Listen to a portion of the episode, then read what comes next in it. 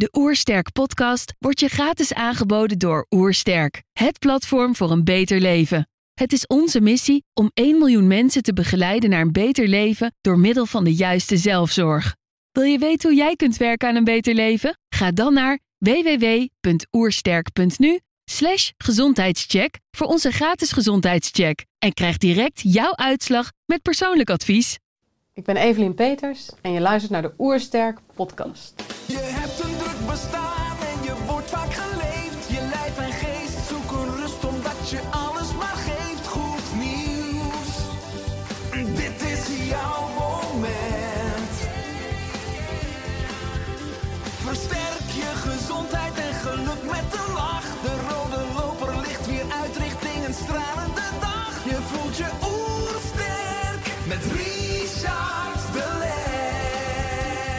We zijn hier in Heemskerk voor een podcast met Evelien Peters.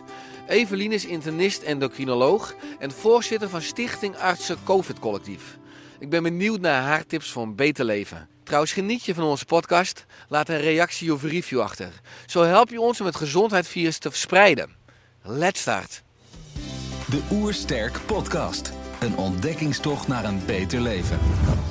Evelien, welkom. Samen met zo'n 1500 andere medisch specialisten ben je kritisch op het huidige coronabeleid. Waarom? Dat komt voort vanuit vorig jaar, eh, eh, toen het bij mij met mijn artseneet eigenlijk botste. En ik zag dat er uit naam van volksgezondheid heel veel maatregelen werden ingesteld. Terwijl ik die volksgezondheid allemaal schade gedaan zag worden. Ehm, en ik heb heel veel vragen bij de, ja, de proportionaliteit van, van de maatregelen. En die heb ik nog steeds een jaar later. En ehm, daar zijn eh, gelijkgestemden op afgekomen. Ehm, eh, veel artsen. Eh, en van daaruit hebben we een collectief gestart, het artsencollectief. En daar ben ik nu de voorzitter van. En wij proberen eigenlijk nog steeds dat. Dus de vragen te stellen. Ehm, en ja, gesprekken op gang te, te brengen eigenlijk over... is het proportioneel wat we doen? Kan het ook anders? Is dit de enige weg? Ehm, Ja, mooi. Ik eh, wil je grote complimenten geven ook voor je werk afgelopen jaar. Ik volg je uiteraard ook. Eh, het is ook mijn intentie om met jou nu een uurtje ook een podium te geven aan, eh, eigenlijk aan de liefde en ook een soort zachtheid. Want het is nogal een uitdagende fase waar we allemaal ook als experts in zitten. Ook om eh, ja, je boodschap, maar dan niet per se vanuit je hoofd, maar vanuit je, ook vanuit je hart en vanuit je buik te laten horen. Nou, wat je zegt, ik zag eh, afgelopen maand ook een interview van je op NPO Radio 2, waarin je inderdaad aangaf dat je in gewetensnood kwam hè, met betrekking tot de eet die je hebt afgelegd. Eh, want nou, wat je aangeeft, je maakt je zorgen met betrekking tot de volksgezondheid. Hè. Verleden jaar maart begon natuurlijk het coronavirus, maar de crisis. Hoe kijk je ook terug eh, afgelopen jaar op nou, alle ontwikkelingen en op jouw proces? Nou, op de inhoud was ik toevallig vanochtend eh, met een nieuwe nieuwsbrief bezig, waarin ik even de, mijn eigen brandbrief van vorig jaar teruglas. En ja, ik vind het stuitend dat, die, dat ik hem, ik zou hem zo weer kunnen posten. Er is niks veranderd. Ja, je schreef op persoonlijke titel een brandbrief aan andere medisch specialisten en artsen, aan de politiek, eh, met eigenlijk een hartstochtelijke oproep. Wat stond erin en wat is nu nog steeds actueel? Nou, wat ik toen heel erg voelde, want toen ging het over, de, over een noodwet. En eigenlijk over het in, op een juridische basis schieten van vrijheidsbeperkende maatregelen die, die inbreuk doen op lichamelijke integriteit, op je zelfbeschikkingsrecht. Ehm, en toen dacht ik, wow, waar gaat dit naartoe? Want ik, ik, voel in het diepste dat, dat onze vrije keuze eh, het belangrijkste is wat we, wat we hebben. En dat die lichamelijke integriteit, hè, dus dat, dat jij beslist wat er met jouw lichaam gebeurt. Ehm, en je zelfbeschikkingsrecht, wat ook dus, ehm, of je medische ehm, eh, handelingen ondergaat, dat die keuze bij jou ligt. Dat, dat we dat moeten beschermen zolang we kunnen. En dat, dat er alleen echt iets heel bedreigends ehm, eh, dat zou mogen doorbreken. Dus bedreigend voor de, voor de persoon zelf ehm, of voor zijn directe omgeving. Eh, en daar heb je natuurlijk wel voorbeelden van. Maar dat, ik heb het idee dat we dat eh, tot 2019 heel voorzichtig wogen en met grote groepen bespraken. Dat we daar anderen bij haalden, experts bij haalden, ethici bij haalden. Dat we moreel beraad hadden op het moment dat je voor dat soort keuzes stond. En voor mijn idee wordt, wordt dat allemaal aan de kant geveegd. En daar maak ik me zoveel zorgen om.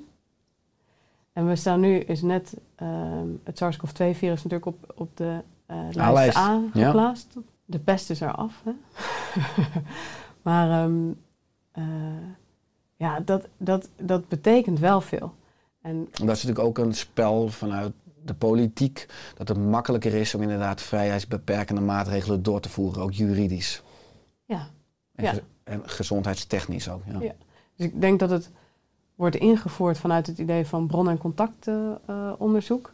maar de, de implicaties, eh, hoe ver een kabinet ermee zou kunnen gaan, dat, dat is ongelooflijk ver. En ik denk niet dat heel veel mensen zich beseffen wat het, wat het zou kunnen betekenen. Dat, dat nu het erop staat dat op het moment dat, dat ik zeg dat jij verdacht bent van eh, het SARS-CoV-2-virus, dat je, dat je eh, opgepakt kan worden Geïsoleerd kan worden. en geïsoleerd kan worden.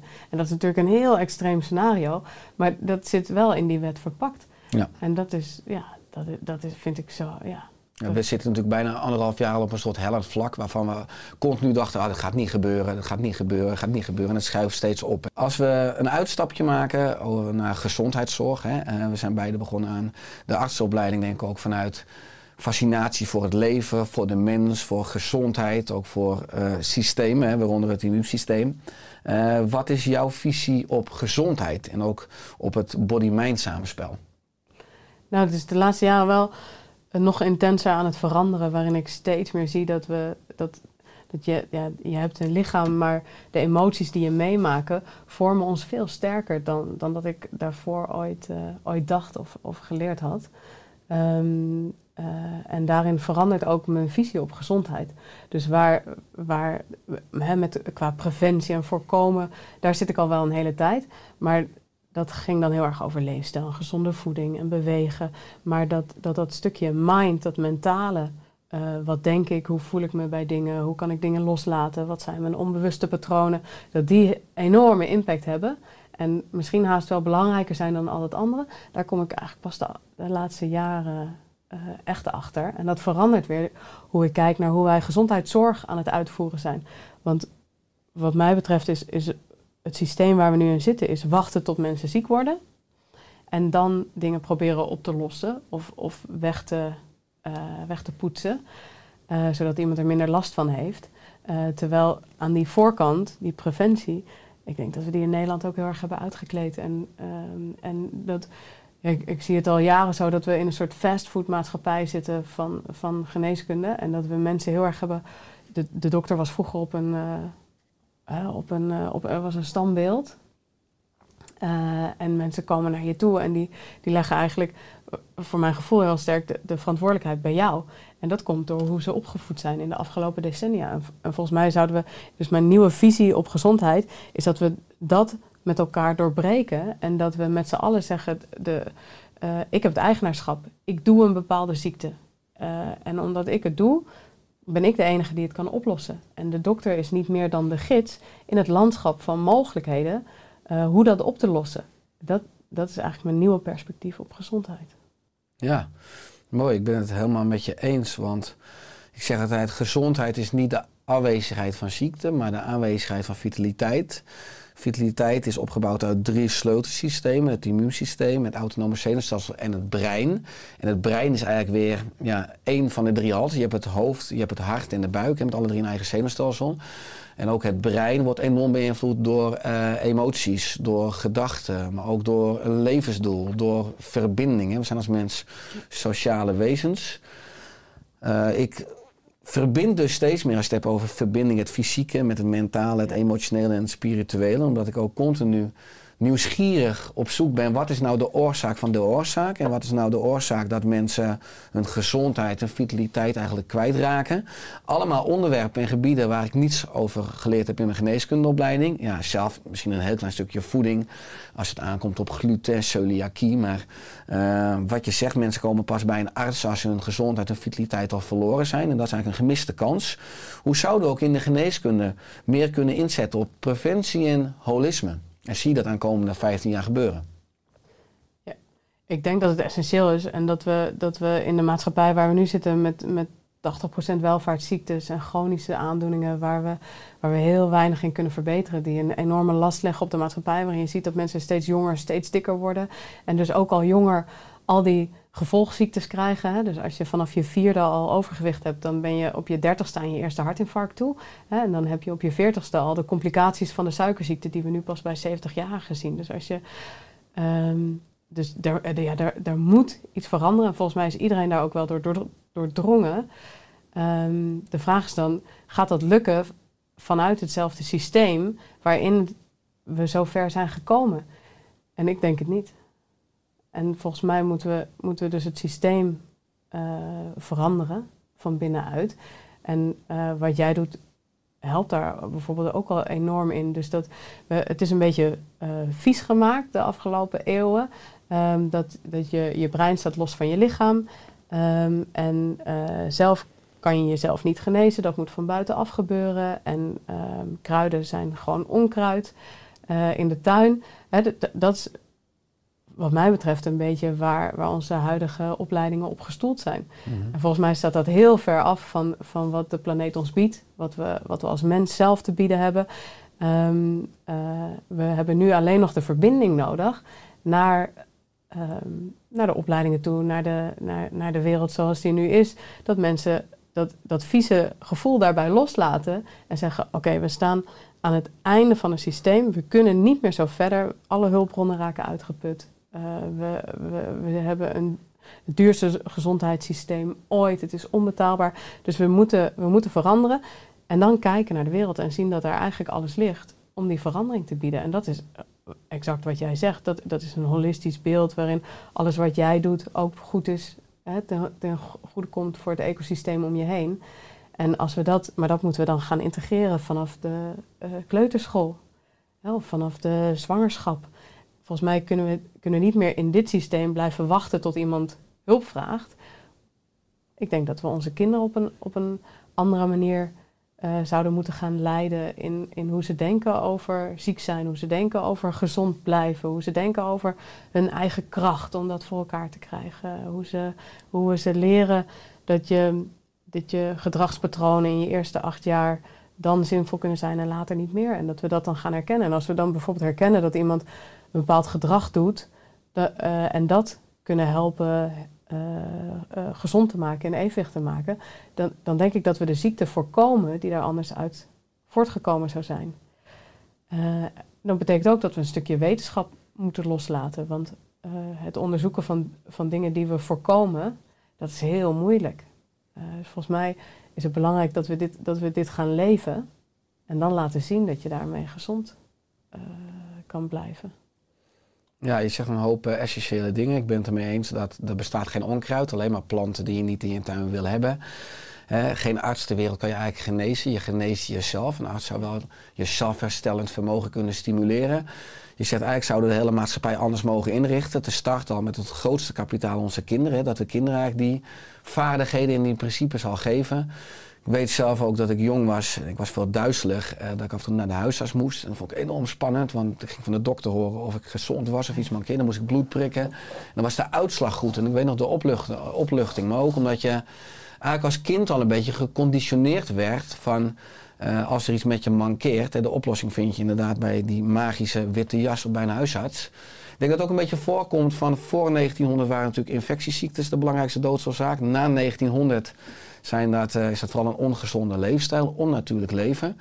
Eh, het zou fantastisch zijn als we die, nou, die kennis en die wijsheid aan onze kinderen alweer mee gaan geven. Als ik dan kijk naar jouw proces ook, dat je zegt dat je veel meer denkt vanuit preventie en holisme. Je bent internist, endocrinoloog. Lukt het je nog om met evenveel bezieling en voldoening, want ik kan natuurlijk zeggen die wachtkamer van jou zit voor een groot deel vol met mensen die zelfmoord plegen in slow motion, die onnatuurlijk leven, die de verkeerde eh, dingen kiezen op voedingsgebied, op beweeggebied, op ontspangebied vanuit, nou, vanuit hun genen, bijna een omgeving die eigenlijk de verkeerde, nou, het verkeerde gedrag, ongezonde gedrag uitlokt. Eh, waar je voorheen misschien al meer dacht aan medicijnen, maar nu veel meer denkt aan eh, nou, misschien leefstijl, maar ook mindinterventies of het oplossen van trauma's.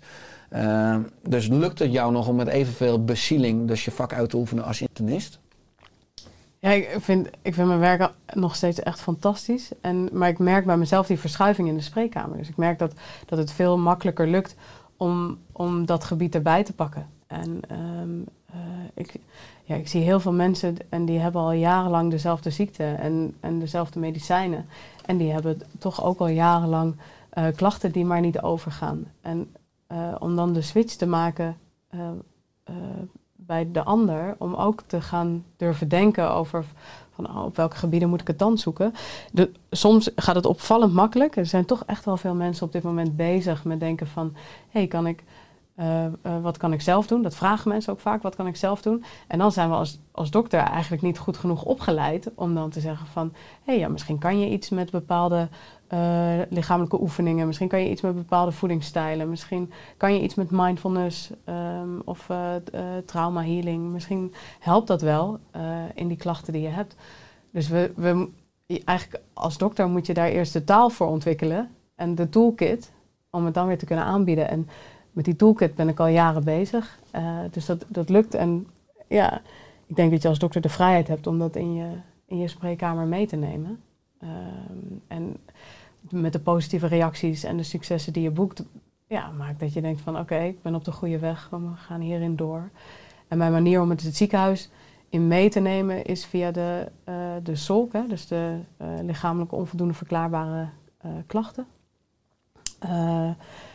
En, want dat kan, het maakt niet uit welke ziekte je hebt, kanker, suikerziekte, schildklierziekte. op het moment dat dat gewoon ja, algemeen goed is ingesteld, maar je houdt bepaalde chronische klachten, dan, dan kun je dat zolk noemen. En die zolk heeft heel vaak een bepaalde basis, onbewust gedragspatroon, onbewuste eh, filters van hoe je omgaat met, eh, met je omgeving. En als je bij die zolk, ja, je kan pijnstilling geven en je kan slaappillen geven en het gaat er echt niet van over.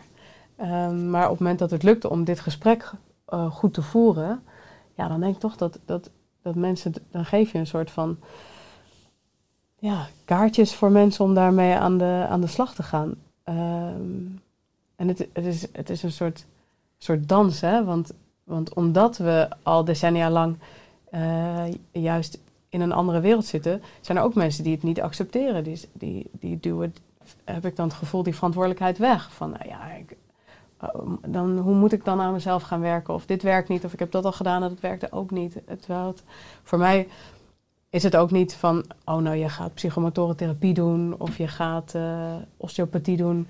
Het, het is veel meer een geheel, wat jij ook zegt, waarin je alle kantjes eigenlijk moet, ja, moet ontdekken en kijken wat er bij je past en wat je anders kan doen. Ehm, dus het- ja, daarin is het een hele, hele interessante tijd waar heel veel zelfontwikkeling in zit.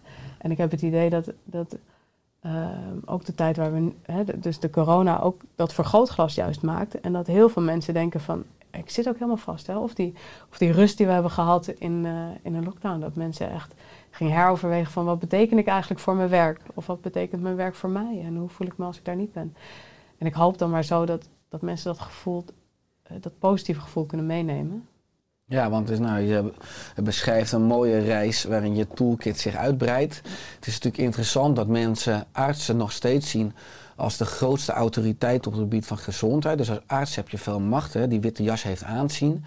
Dat ervaarde ik ook in het ziekenhuis. Als je het ziekenhuis binnenkomt in je gewone jas, dan kijkt niemand naar je. Je gaat de artsenkamer, je hebt je witte jas aan, je loopt naar buiten toe en mensen goed. Je dag dokter. Dus was poken voor mijn ego trouwens.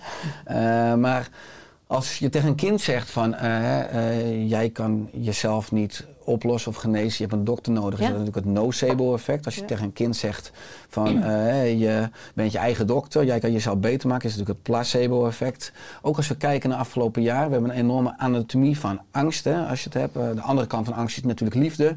Hoe kijk je ook naar placebo en nocebo in jouw vak, maar ook als je kijkt het afgelopen coronajaar, waar we nou, enorm overgoten worden met angst over het algemeen. Ja, ja ik, ondertussen ben ik van mening dat, dat placebo een van de sterkste krachten is eh, eh, die je als dokter zou kunnen geven en die een mens in zich heeft. Want het is eigenlijk je, je zelfherstellend vermogen en dat wordt aangezet met iets van een hulpmiddel. Of dat nou een pil is of een, of een oefening of, of ik weet het niet. Wat allemaal Eh, symbolen zijn eigenlijk. Symbolen, Ja. ja. Ja.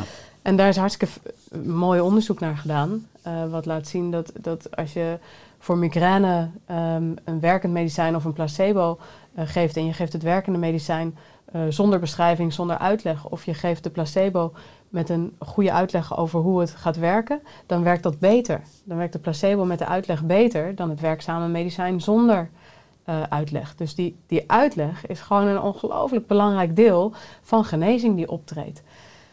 En ik vind het jammer dat dat, uh, wat mij betreft, is weggezet als een soort bijverschijnsel, een soort lastig bijverschijnsel van, uh, van, van onderzoek.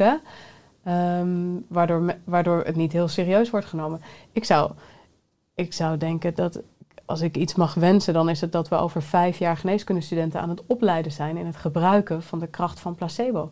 In het inzetten van hoe maak ik verbinding, hoe level ik met mensen, hoe neem ik ze mee met taal. Dat uh, uh, NLP uh, hoort daar denk ik in te zijn. En het, het placebo-effect wordt zo versterkt door een witte jas. Laten we dat inzetten. En het is allemaal bewust, maar het, het, het is heel goed onderzocht dat het maakt niet uit als mensen weten dat het om placebo gaat. Het maakt niet uit voor het effect wat het op ze heeft. Klopt, het gaat vooral vanuit het onderbewustzijn wat geactiveerd wordt. Die aangeboren intelligentie die we allemaal hebben. Ja, ja en nou, bij de kinderen begint natuurlijk bij kinderen om dat, om dat te veranderen, want dan, dan word je daar veel krachtiger in. En het is, maar het is, ja, mensen moeten daar zelf een stap in maken. Hè? Daar, Mhm. daar word je dan als arts word je er meer coach van. Mhm. Ja. Ja, want als je het hebt over, nou, ik zei angst en liefde. Ik hoorde je zeggen, het heeft geen zin om angst met angst te bestrijden. Iets wat de overheid de afgelopen maanden maximaal doet. Mensen in angst en onzekerheid houden. Ik zie meer in de verbinding. Dat is voor de volksgezondheid ook veel beter. Hè? Hoe kunnen we nu vanuit verbinding betere bruggen bouwen? Ook naar luisteraars of kijkers die nog steeds in de onrust zitten met ik weet het allemaal niet meer. Nou, ik heb me nog niet laten prikken, maar moet ik het nou wel doen? Ik heb me één keer laten prikken, uh, moet ik nou de tweede doen? Ik heb me twee keer laten prikken, is het nou wel wijs geweest? Ik heb me twee keer laten prikken, komt er een derde prik aan. Uh, maar ik doe het toch voor mezelf? Nee, je doet het voor, voor een ander. Nee, je doet het dat we niet meer in lockdown moeten. Nou, mensen, ook de vraag die ik kan krijgen, mensen weten het niet meer. En, wie weet het nog wel? Hè? Waar, wie heeft de wijsheid nog? Ook in het OMT is natuurlijk enorm veel wetenschap, hè? linkerbrein. Maar in mijn optiek een enorm gebrek ook aan uh, wisdom keepers. En mensen met, met, met die het totale plaatje bekijken. Die ook de andere gebieden in het leven en de maatschappij meenemen. Maar terugkomen dus op die angst en de liefde. Hoe kunnen we ook nu van onze, van onze positie betere opbouwende bruggen bouwen? Wat is jouw visie daar, daarop? Ik vind, het, ik vind een heel lastig, lastige vraag, want het is, het is essentieel om te doen. Voor, me, voor mijn gevoel is, is de polarisatie uh, uh, zo toxisch die nu ontstaan is. Dat, dat, dat, dat verbinding zoeken, ik voel dat als een enorme uh, kracht of opdracht om dat te blijven doen, om dat te vinden. En um, ja, ik weet niet of ik het antwoord erop heb, want, want mensen overtuigen, dat is niet verbinden. Dus uh, volgens mij is informatie geven, is dat verbinden. En um, proberen mensen open te laten staan door middel van vragen voor bepaalde, voor andere informatie. Ik denk dat dat, dat, dat op dit moment um, een van de beste verbindingen is die we kunnen doen, omdat mensen zo uit elkaar staan. Mhm. Mm -hmm. uh, dus om ze te bereiken, mensen willen al helemaal geen informatie meer. Zeggen ze, ja, nog meer feitjes, dat hoor ik helemaal niet. En wat, wat ik heb gemerkt is dat mensen nog wel op emotie nog wel aangaan. Dus op het moment dat ze, uh, dat ze zien dat het jou oprecht heel veel doet, uh, uh, dan heb je in één keer weer verbinding. Dus mensen met wie ik uh, best wel kan botsen, op het moment dat die, dat die zien dat ik gewoon intrinsiek ongelooflijk gaaf voor de, voor de patiënt, ongeacht of, hoe die erin staat, dan verbindt ons dat weer. Terwijl we wel tegenover elkaar staan qua mening. Um, uh, en, en ja, het gevaar is dus dat, dat mensen volgens mij nu heel erg zwart-wit denken. Grijs bestaat niet meer. En dan proberen ze ons allemaal in hokjes te, te stoppen. En wij worden dan heel erg in een, uh, in een anti-hokje gestopt. Ik, dat ben ik helemaal niet. Maar om, daar, om daaruit te komen, daar helpt emotie in. Om te tonen ja, genegenheid en, het, en compassie.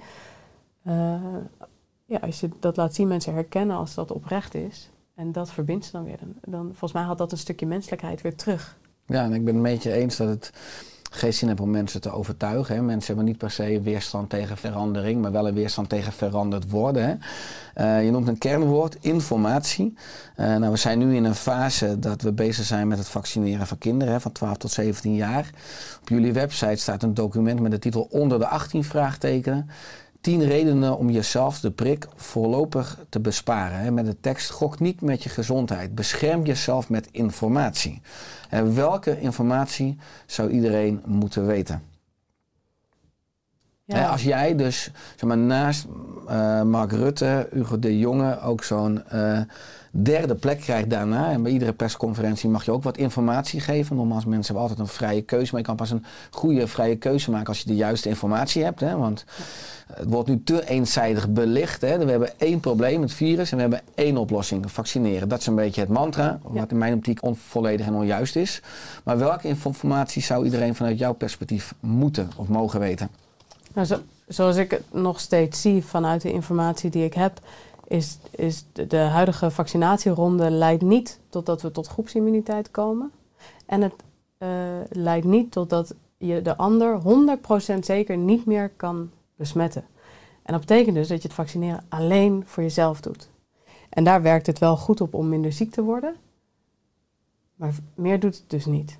dus het, het, maakt dat ik misschien iets minder virus op jou overdraag, maar dat gaat nooit nul worden met deze vaccinaties. En dat zou ik het allerliefste willen meegeven. Weeg nou heel goed, vraag jezelf waarom wil ik het? En als die waarom is, Um, uh, omdat je op vakantie wil, of omdat je je oma niet wil besmetten, of omdat je weer in een groep samen wil kunnen zijn, dan zou ik zeggen: zoek nou nog eens wat meer informatie op. Want is het wel bewezen dat je je oma na de vaccinatie niet meer kan besmetten? Is het wel bewezen dat jij niet meer ziek kan worden daarna? Is het wel bewezen dat je meehelpt aan het opbouwen van groepsimmuniteit? En ik ken daar de onderzoeken niet van. Dus dat, dat vind ik eigenlijk het belangrijkste boodschap. Ja. ja, maar wat is, zeg maar, uh, jouw persoonlijke reden om te zeggen van nou, ik wacht nog even af met het vaccin? Oh, dit. Ik, ne ik neem wel eens griepvaccins, omdat ik het idee uh, had dat je daarbij wel anderen beschermt. dus dat als wat voor mij een snotneus is, kan voor iemand anders wel gevaarlijk zijn. En als ik dan met een vaccin kan zorgen dat de kans dat ik dat overdraag kleiner is, um, dan is dat, of, of nihil is, dan is dat zinvol. Um, uh, en voor nu vind ik dat zo nog niet goed bewezen, uh, dat, dat dat houdt me nu tegen. Hè, dus op het moment dat wetenschap laat zien dat ik iemand anders, een kwetsbaar iemand, niet meer besmet, um, dan uh, zou ik het heroverwegen.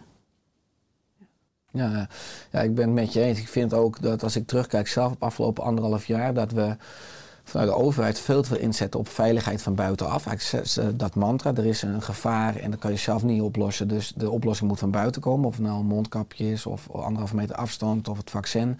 En veel te weinig daarnaast, hè, eigenlijk als brug naar weerbaarheid van binnenuit. Laten we kijken naar bepaalde micronutriënten zoals vitamine D3 of de juiste leefstijl. Maar ook verbindingen, levensdoelen, al die evolutionaire noodzaken die we als mens hebben. Uh, daarnaast is het inderdaad ook relatief onzeker hè, wat de uh, vaccintechnologie op de lange termijn doet. Die data zijn er nog niet. Daarom vond ik het prima in het begin dat we de risicogroepen, hoe het begonnen is, ook afschermen of eventueel vaccineren als we dat willen. Maar uh, ik zou zeggen, laten we oppassen met gezonde volwassenen en zeker met onze kinderen. Als je kijkt naar nou ja, vruchtbaarheid en dingen die relatief nog heel onzeker zijn. Hè. Better safe than sorry. Je kan niet ontvaccineren. Maar dat is wel een belangrijke claim als ik je mag onderbreken. Ja, altijd. Want wat ik net zei, dat gaat over mij als zorgverlener. Mhm. Dus als ik geen zorgverlener zou zijn, zou ik nog anders over vaccinaties nadenken. Dus uh, dat gaat erover dat ik uh, werk met kwetsbare groepen die, uh, die heel makkelijk ziek kunnen worden. Dus en met groepen die bijvoorbeeld in de risicogroepen vallen van mensen die ziek worden met, met griep of met corona. Um, en van daaruit redeneer ik. Dus dat betekent niet dat die redenatie uh, voor anderen precies zo zou moeten gelden. Want ik denk dat als je niet uh, dagelijks met kwetsbaren werkt en als je uh, gezonde mensen merendeels om je heen hebt, dat je er nog kritischer over zou moeten nadenken. Ja, nou laten we dan gelijk die afslag nemen wat je nu pakt qua zorgverlener. Ehm, afgelopen week, hè, ehm, ik las nu.nl, in Frankrijk, Griekenland en Spanje zijn de coronamaatregels aangeschermd.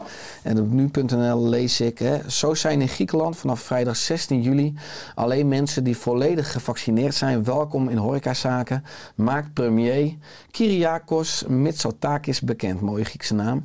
Niet gevaccineerden mogen wel plaatsnemen op het terras, dus buiten. Uh, Mitsotakis kondigde ook aan dat alle medewerkers van verpleeghuizen voor ouderen zich moeten laten inenten. Wie weigert wordt medio augustus geschorst. Ziekenhuispersoneel, zoals artsen en verpleegkundigen, krijgen tot 1 september de tijd om zich te laten vaccineren. Daarnaast komt er een vaccinatieplicht voor bepaalde beroepsgroepen. Frankrijk kondigde maandag aan een inenting voor zorgpersoneel verplicht te stellen. Degenen die een vaccinatie weigeren, mogen niet werken en krijgen ook niet betaald. Ja, ongelooflijk. Ongelooflijk. Ik hoop dat iedereen massaal stopt met werken. Ehm, en iets anders gaat doen. Volgens mij is dat de enige, het enige wat je hier tegenover kan zetten. Je kan hier niet meer in schipperen. Als dit geëist gaat worden, dan, dan, dan wat mij betreft, ja, ik hoop dat dat dan gewoon een hele harde grens voor heel veel mensen zal zijn. Om te laten zien, dit is, dit is onze grens. Als je nou kijkt waar we vandaan komen, dat we in, in februari maart 2020 een enorme piek hadden. Toen mocht niemand testen. Heel veel meer mensen dan dat nu in de getallen staan, hebben het toen gehad. Je mocht als zorgpersoneel geen beschermende kleding dragen. Je mocht geen mondkapjes dragen als je als oogarts meer dan een kwartier op 10 eh, centimeter van elkaar afzat. Dat mocht allemaal niet. De uitval is maximaal 8% geweest in de ziekenhuizen hè, onder het personeel. Um, we, we, hadden geen mondkapjes op. We verzorgden gewoon mensen. Als je ziek was, bleef je thuis. Um, uh, en dat was het. En daar zijn we de grootste piek die er was, zijn we daarmee doorgekomen. Daardien hebben we veel meer groepsimmuniteit, hè, doordat veel meer mensen het hebben doorgemaakt. Dus we zijn als maatschappij al sterker geworden. Dat virus heeft zich al meer dan 15.000 keer gemuteerd. Is veel besmettelijker, maar minder ziekmakend. Dat zie je in het Verenigd Koninkrijk heel duidelijk. Heel veel besmettingen, je ziet het nu in Nederland, heel veel besmettingen geen ziekenhuisopname. Meer testen althans, hè, dat is nog wat anders. Positieve testen nog wat anders dan de besmetting. Vooral bij de jongeren. Je ziet eigenlijk dat de risicogroepen volledig gevaccineerd zijn. En ziekenhuisopnames, bijna de IC-opnames heel laag. En coronadoden, nou, misschien één iemand per dag. Dus ook Ja, en dan heb je dus de piek en daar mocht niks. Werd maar 8% ziek. Um, en vervolgens uh, weten we dus dat, dat we als maatschappij sterker zijn dan hiervoor vanuit natuurlijke immuniteit. En moeten we steeds meer. Dus we hebben een mondkapje gedragen, wat geen enkel nut heeft, wat er is voor een gedragsmaatregel. Uh, en nu uh, mag je niet meer bij anderen in de buurt zijn als je niet gevaccineerd bent. Ja, hoe, hoe weegt dat dan op uh, tegen hoe dat vorig jaar goed ging? Hè, eigenlijk. Ja, ik vind deze maatregelen, wat ik net oplees van nu.nl, ook wel een soort hellend vlak. Hè, wat neigt, wat jullie ook hadden over medische apartheid. Je benoemde net een stukje, wie is nou eigenaar van gezondheid? Hoe kijk je ook vanuit dit perspectief naar dan ook een vrije wil en vrije keuze? Zeker ook straks je werkgever, misschien ook wel in Nederland. Wij lopen vaak even iets achter op Europa. Maar uh, het is niet per se uitgesloten dat dit ook gaat gebeuren in Nederland. Ik sta nergens meer van te kijken. Maar hoe is dat in het perspectief van eigenaarschap van gezondheid en vrije wil, vrije keuze? Ja, dat staat er haaks op. Totaal haaks. En het lastige is, is dat die, de discussie wordt steeds ongedaan gemaakt, omdat gezegd wordt van nee, maar dat gaat nooit gebeuren. Er komt nooit een plicht. Uh, er komt nooit indirecte plicht. En dan mag dus op dat moment mag de discussie niet, omdat gezegd wordt, nee, dat gaan we toch niet doen. En ondertussen verschuift het en uiteindelijk doen we het toch. En dan is dat moment van discussie is dan, is dan in, in de grote groep voorbij. Uh, dus dat vind ik heel moeilijk. En ik denk dat, dat die vrije keuze, ja, dat, dat is zo essentieel. Ik zou dat als, als in, je, in, in, in je morele kompas, is die voor mij een, soort van basis. Um, en ik vind het en dat is dan weer de verbinding.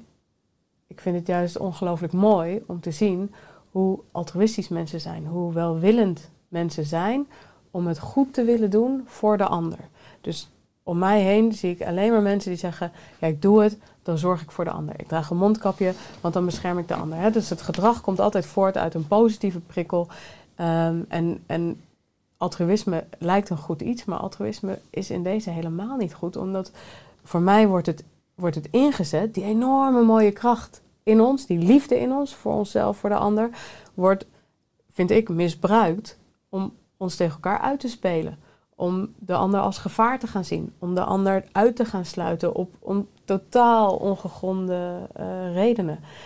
En um, volgens mij is de grootste kracht die we met elkaar zouden kunnen opbrengen, is dat we het niet zelf gaan doen. Dus dat we niet onderling al uh, gaan discrimineren. Dat we, uh, dat we onderling solidair blijven. Uh, omdat we weten, als jij kwetsbaar bent en jij hebt je laten vaccineren, hoef jij minder bang te zijn. Als jij denkt, dit zijn te veel mensen, neem jij dan even afstand. Neem je eigen keuzes daarin. Wat vind ik fijn, wat vind ik niet fijn. Als jij zegt, ik ben gezond en jij hebt geen klachten, dus wij kunnen elkaar niet ziek maken, ook een feit. Um, dus waarom zouden we ergens aan moeten voldoen als anderen dat dan ook zouden respecteren? Dan zijn we het volgens mij weer goed aan het doen. Mm. En als dan een overheid het anders wil, dan zal die dat met harde hand, met keiharde regels op ons af moeten dwingen. En dat is iets anders dan dat de overheid door een angstcampagne nu dat, die liefde van mensen, dat altruïsme van mensen eigenlijk heeft ingezet om ze tegen elkaar op te zetten. Want nu worden we door elkaar gereguleerd. Je wordt door degene in de supermarkt of de schoonmaker in het ziekenhuis op je vingers getikt. Als jij je niet aan een onzinnige gedragsmaatregel aan het houden bent. En dat is gevaarlijk. Dat, dat, volgens mij, als we daarin belanden, dan, dan zetten we elkaar vast. En dan heeft de overheid een eitje. Hè? Want die hoeft niks meer te doen, want we doen het zelf al. En volgens mij is als we, als we willen verbinden, moeten we, moeten we dit heel duidelijk maken. Van jongens, solidariteit, dat, die sluit niemand uit. En, en maak dus je eigen keuze voor jouw gezondheid. En als jij het niet fijn vindt bij iemand in de buurt, vraag het dan aan die persoon. Maar, maar uh, let op dat je in je hoofd niet al aan het denken bent: ik moet bang voor jou zijn. Hè? Probeer uit dat angstverhaal te stappen en weer te gaan denken: van oké, ben ik wel echt aan het verbinden? Ben ik wel echt uh, inclusief aan het denken? Of ben ik eigenlijk al mee aan het gaan in een soort separatisme? Want dat gaat heel geleidelijk. Ja, het is natuurlijk heel subtiel hoe eigenlijk afgelopen anderhalf jaar een soort massa-hypnose is uh, omtrent uh, vaccineren, ook, ook vanuit angst. Hè. Mensen doen meer dingen uiteindelijk vanuit angst uh, dan vanuit liefde. zelf Willem-Alexander en Maxima die zeiden recent van ja, onze dochters laten zich vaccineren. Tenminste een keuze van onze dochters, maar hij zei ook logisch, want je doet het niet voor jezelf, maar voor een ander. Nou, dat hoor je in ieder filmpje terug van Hugo de Jonge, die weer een jaartal noemt tot onze kinderen. Wordt bijna een beetje een soort propaganda video's. Maar uh, ik denk dat jij en ik beide hebben dat we respecteren wat iemands keuze is. Of je nou wel laat vaccineren, prima. Ook zonder lading, zonder oordeel moet het ook zijn. Hè? Of je nou niet laat vaccineren, prima. Ook zonder oordeel. Uh, dat je elkaar ook vanuit respect op ooghoogte kan ontmoeten. Dat je luistert ook. En dus dat je een ander ook begrijpt. Ook al maak je een andere keuze. Maar ik hoor natuurlijk ook zoveel berichten krijg ik van mensen in de mailbox, op social media, die uh, in hun vriendenkring, op sportverenigingen, uh, in een dorp, in een stad. Uh, ik ben de enige die me niet laat vaccineren. Of dan het argument, nou dan ben je egoïstisch. Er, is een, er zit een enorm veel spanning op. Er zit een enorm veel, nog maar een soort massa-hypnose, dat we standpunten hebben die misschien gewoon niet kloppen en niet juist zijn. Uh, heb jij dat ook op plekken waar je komt als mensen je misschien niet kennen of niet zo goed kennen? Dat mensen aan jou vragen wat doe jij en dat je ook krijgt te horen van je bent egoïstisch? Of, uh, of heb je ook in jouw omgeving mensen die nou, uh, met deze dilemma's, mensen zeggen nou, ik ken heel veel mensen die zeggen nou ik zeg niks. Of ik zeg ja ik heb me ook laten vaccineren. Die het niet hebben gedaan, maar dan ben ik er maar vanaf. En dan hmm. ben ik niet zo'n zwart schaap. Maar dat is belangrijk wat je zegt natuurlijk, want... want angst raakt ons vijf keer harder dan, dan een positieve boodschap hè, of een negatieve boodschap. Dus om, om één negatieve boodschap weer neutraal te maken, hebben we vijf keer een mooie boodschap nodig. En het raakt ons diep in ons reptiele brein. Hè? Dus, dus angst zet meteen je amygdala aan en gaat meteen naar je fight-flight. Dus daar, daar, daar doet je lichaam meteen iets mee en je brein. Dus daar zijn we heel sterk op. En dus zoveel zoveel cijfers zonder perspectief zijn er op ons afgevuurd over corona, uh, dat dat heel veel angst heeft gewekt. En vanuit die angst willen mensen nu houvast om ze uit die angst te halen. En het houvast wordt dan geboden in de vorm van maatregelen en in de vorm van vaccinatie. Dus ik snap wel dat mensen uh, uh, ook niet meer doorhebben dat ze, dat ze zo bang zijn gemaakt. Dat ze zich zo eigenlijk in een fight-flight positie heel de tijd voelen. Hè? Dat ze waarschijnlijk met stresshormonen en sympathisch zenuwstelsel aan, uh, aan het denken zijn... aan welke strohalm kan ik me vastpakken? Oh, een mondkapje, ja. eh, een vaccinatie. En dan daalt die rust weer een beetje in. En dat dat, geen goede, dat dat niks met elkaar te maken heeft en dat het vaccin hun niet, niet veilig maakt, ja, ja, daar, daar denken mensen niet over na.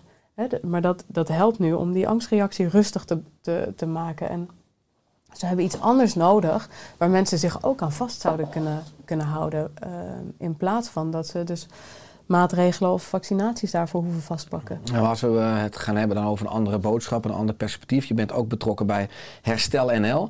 Eh, wat zou jij doen als je in Den Haag alle macht krijgt? En nogmaals, gaat nu 100 miljard euro per jaar uiteindelijk aan ziektezorg. Slechts 0,5% gaat naar primaire preventie. Maar als je ook echt qua gezondheid en maatschappelijke vitaliteit van onderwijs, geneeskunde, publieke ruimte, eh, nou, gewoon eh, vrij- vrije hand krijgt.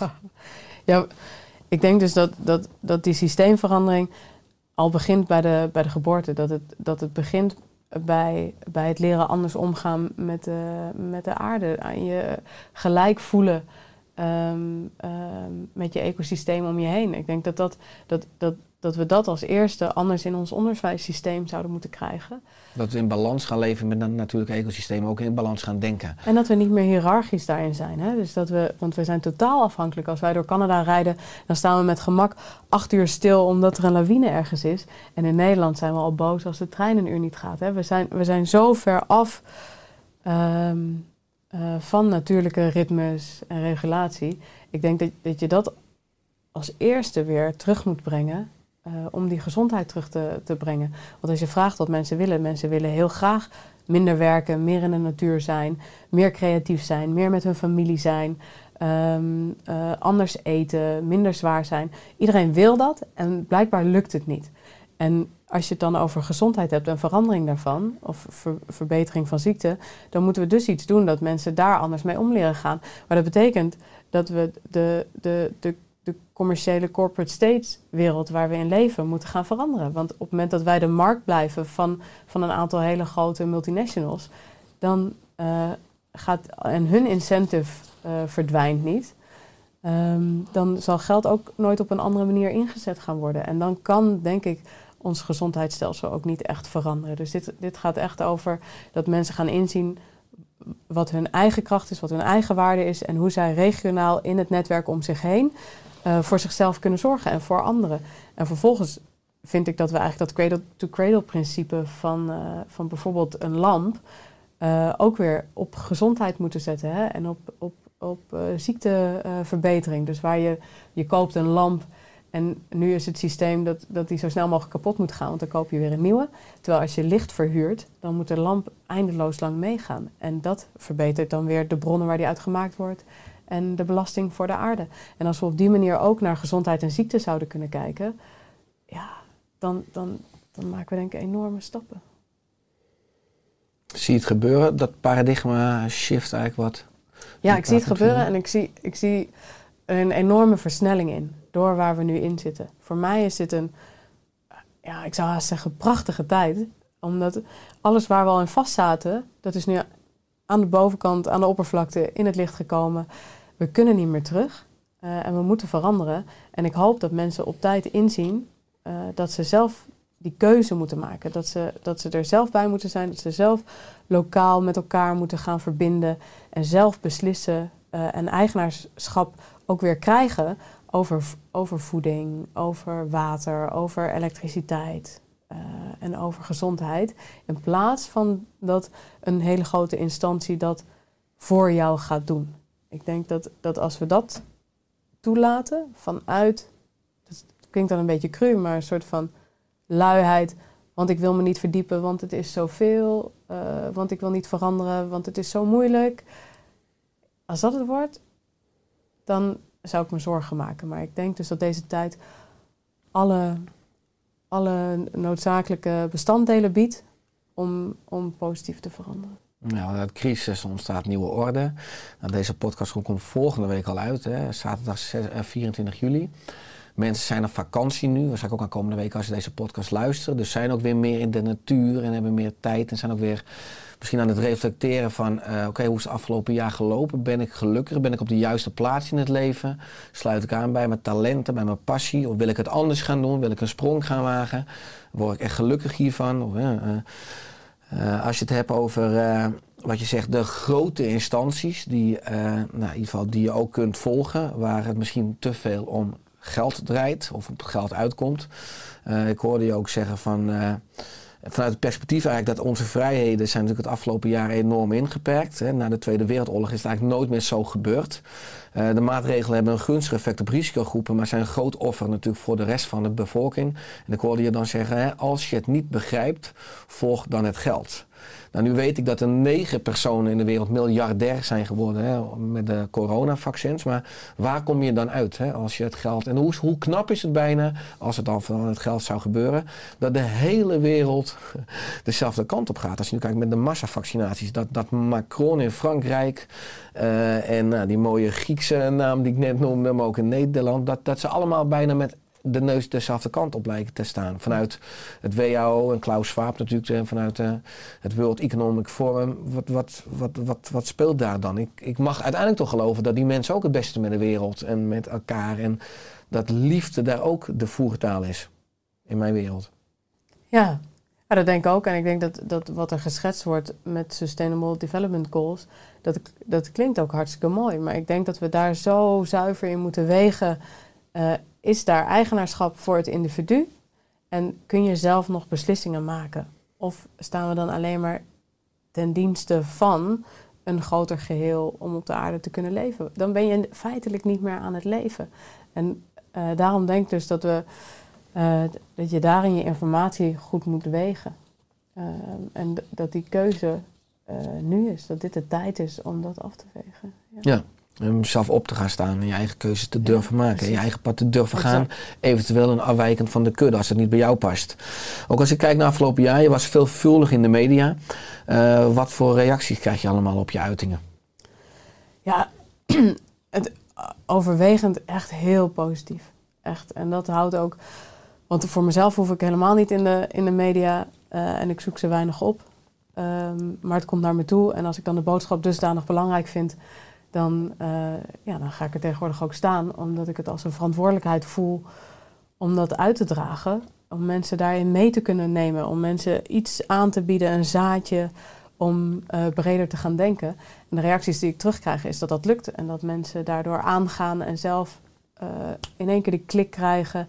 En zelf in hun eigen kleine omgeving iets durven te veranderen. Of zich durven uit te spreken. Of durven te gaan staan voor wat ze in hun hart voelen. Ehm, en daarvoor blijf ik het ook doen. En ehm, dan heb je nog reacties op inhoud die tot hele goede discussies leiden. Eh, waar vaak dan uiteindelijk uitkomt van... ja, we hebben eigenlijk allebei een pool van, van wetenschappelijk onderzoek... en we vinden allebei elkaars onderzoek niet goed. En waar is nou de waarheid? Dus dan, stopt het weer en dan, dan weeg ik blijkbaar bepaalde eh, aspecten eh, anders... Dan, dan de persoon waarmee ik dan een, een gesprek heb. En dan heb je nog een, een groep, maar dat is een hele kleine groep. En die gaat niet over inhoud. Die probeert gewoon karaktermoord te plegen. En ehm, dat, die eh, negeer ik vooral. Ja, want ook voor het beeld van de luisteraar, er zijn ongeveer 1500 medisch, eh, specialisten, medisch specialisten betrokken. Eh, en dat zijn ongeveer voor mij ruim 70.000 medisch specialisten, artsen in Nederland. Dus dat is zeg maar een klein deel bij jullie ja, club, collectief. Is dat ook uiteindelijk voor jou leerzaam en leuk om... Want er zijn ook specialisten die niet mogen of durven... en die zich wel uit achter de schermen, hè, wat ik ook hoorde, positief uitspreken... maar dan toch zeg maar, in de schaduw willen blijven staan. Eh, maar is het leuk om, om, om discussies en eh, ook vanuit eh, een open houding dus... te leren zeg maar, van elkaars standpunten? Zie je ook dat onder de medisch specialisten ook wel een soort gemeenschappelijke ja, mission statement is. Want uiteindelijk wordt iedereen in mijn optiek wel arts om mensen en de wereld beter te maken. Ja, het valt me dus enorm tegen dat dat, dat open debat, wat ik heel graag wil, eh, dat, dat heel weinigen maar aan willen gaan. En dat, ehm, dat het is zo'n beladen onderwerp geworden dat mensen het liever uit de weg gaan. En dat er zit er is zoveel polarisatie in, er zit zoveel emotie bij. Dat, dat, en heel veel van mijn collega's verdiepen zich gewoon helemaal niet. En die vinden dat dan ook vermoeiend. En dan, Dat ze enorm druk zijn of andere redenen. dan, ja, en eh, als ik dan zeg van ja, waarom maak je dan een bepaalde keuze? En ik kom met informatie die ik heb, dan zegt ze ja, ik ben niet zo goed ingelezen, ik weet het niet. Ik volg gewoon de instanties die ik altijd heb kunnen vertrouwen, dus nu ook. En eh, ik zeg ondertussen, ja, misschien is dat wel naïef als je kijkt naar de, naar de Mexicaanse griep. En eh, dat toen bewezen de Gezondheidsraad financiële belangen had bij eh, de vaccinatie. Dat het veel te snel ontwikkeld is, te snel uitgerold. En uiteindelijk veel meer bijwerking heeft gegeven dan wenselijk was of opwoog tegen de ziekte eh, die bestreden werd. Als we nu, wat mij betreft, in een herhaling van zetten zijn, hoe, waar, waardoor durf je dan nog zo naïef te zijn? Dat vraag ik me vaak af. Het is hartstikke mooi om vertrouwen te hebben. En eh, ik zou ook het allerliefste gewoon de grote instanties volgen. Maar ja, het lukt me niet meer. Mhm. Ja, ik las vanmorgen in het Noord-Hollands Dagblad een artikel voor mij met Louis Kroes, goed zeg, hoogleraar virologie in het LUMC. En die zei dat er veel te veel onrust is nu over die Delta Plus variant en paniek, dat dat niet nodig is. Maar in principe gaat het goed met alle cijfers, is vooral onder jongeren. En dat er inmiddels ook weer nu met de vernieuwde maatregelen eigenlijk meer gezondheidsschade is dan virusschade. Ik vond mooi hoe hij dat zo in een zin uitsprak. Uh, maar nogmaals, het is voor iedereen wel een uitdaging om je eigen waarheid te vinden. Maar daarvoor moet je je in gaan lezen. Daarvoor kan je niet welk instituut het dan ook is volgen, want die hebben toch altijd een ander belang. Uh, meestal komt er pas stel uit achter dan Ja. het belang wat jou het beste kan dienen. Ja. Ja. Uh, als je het hebt ook over afgelopen jaar, over uh, afgelopen anderhalf jaar, dat je hier zo intens mee bezig bent, ook naast je vak als internist endocrinoloog. Hoe zorg je voor balans in jouw leven? Heb je een soort optimale blauwdruk van een dag met bepaalde eikpunten? Ja, zeker wel. En maar die, die verandert afhankelijk van wat de tijd uh, van me vraagt. En ik leef heel erg bij, uh, ik ga heel goed op pieken um, in sport, uh, maar ook qua werk. Met uitzicht op weer ontspanning. Uh, dus voor mij is het niet erg om 1, 2 weken uh, tot diep in de nacht door te werken. En daarna het weer een maand uh, rustiger aan te doen. Ik, ik vind dat, ja, ik vind, zie daar ook enorm de uitdaging van. Maar wat ik heel erg nodig heb is, is beweging. Hardlopen, yoga, um, met vrienden zijn. met de kinderen zijn. we wonen heel erg in het groen. Uh, gewoon lekker skileren rond het water. En um, dat is wel essentieel om, uh, om gezond te blijven. Ja, het beweegstelsel is natuurlijk ook intiem verbonden met je immuunsysteem. Hè? Als je je spiermassa veel gebruikt, krijg je een betere spierrekening. Dat is natuurlijk ook belangrijk voor je immuniteit. Ben je af, afgelopen jaar ook echt bezig geweest met bepaalde leefstijldingen? Ook om je immuunsysteem uh, nou, een extra boost te geven of vitaal te houden? Nou, wat we thuis veel doen is veel met de ademhaling. Um, dus we hebben een, tijdje training uh, uh, bij Wim Hof uh, trainers gevolgd. en we hebben ook een tijd lang gewoon de winter doorgezwommen. En dat geeft echt een hele positieve gezondheidskick. En wat we uit ervaring van het laatste jaar heel erg weten... is dat als je voelt zieker worden... dat je met ademhaling dat heel erg onder controle kan krijgen. Um, en hoe meer je dat doet, hoe beter je erin wordt. En hoe meer je die, die dingen die signalen in je lichaam gaat herkennen. Dus ik vind voor mij is ademhaling een, een hele belangrijke uh, om weer naar, naar evenwicht toe te gaan. Dat doe je met je kinderen ook?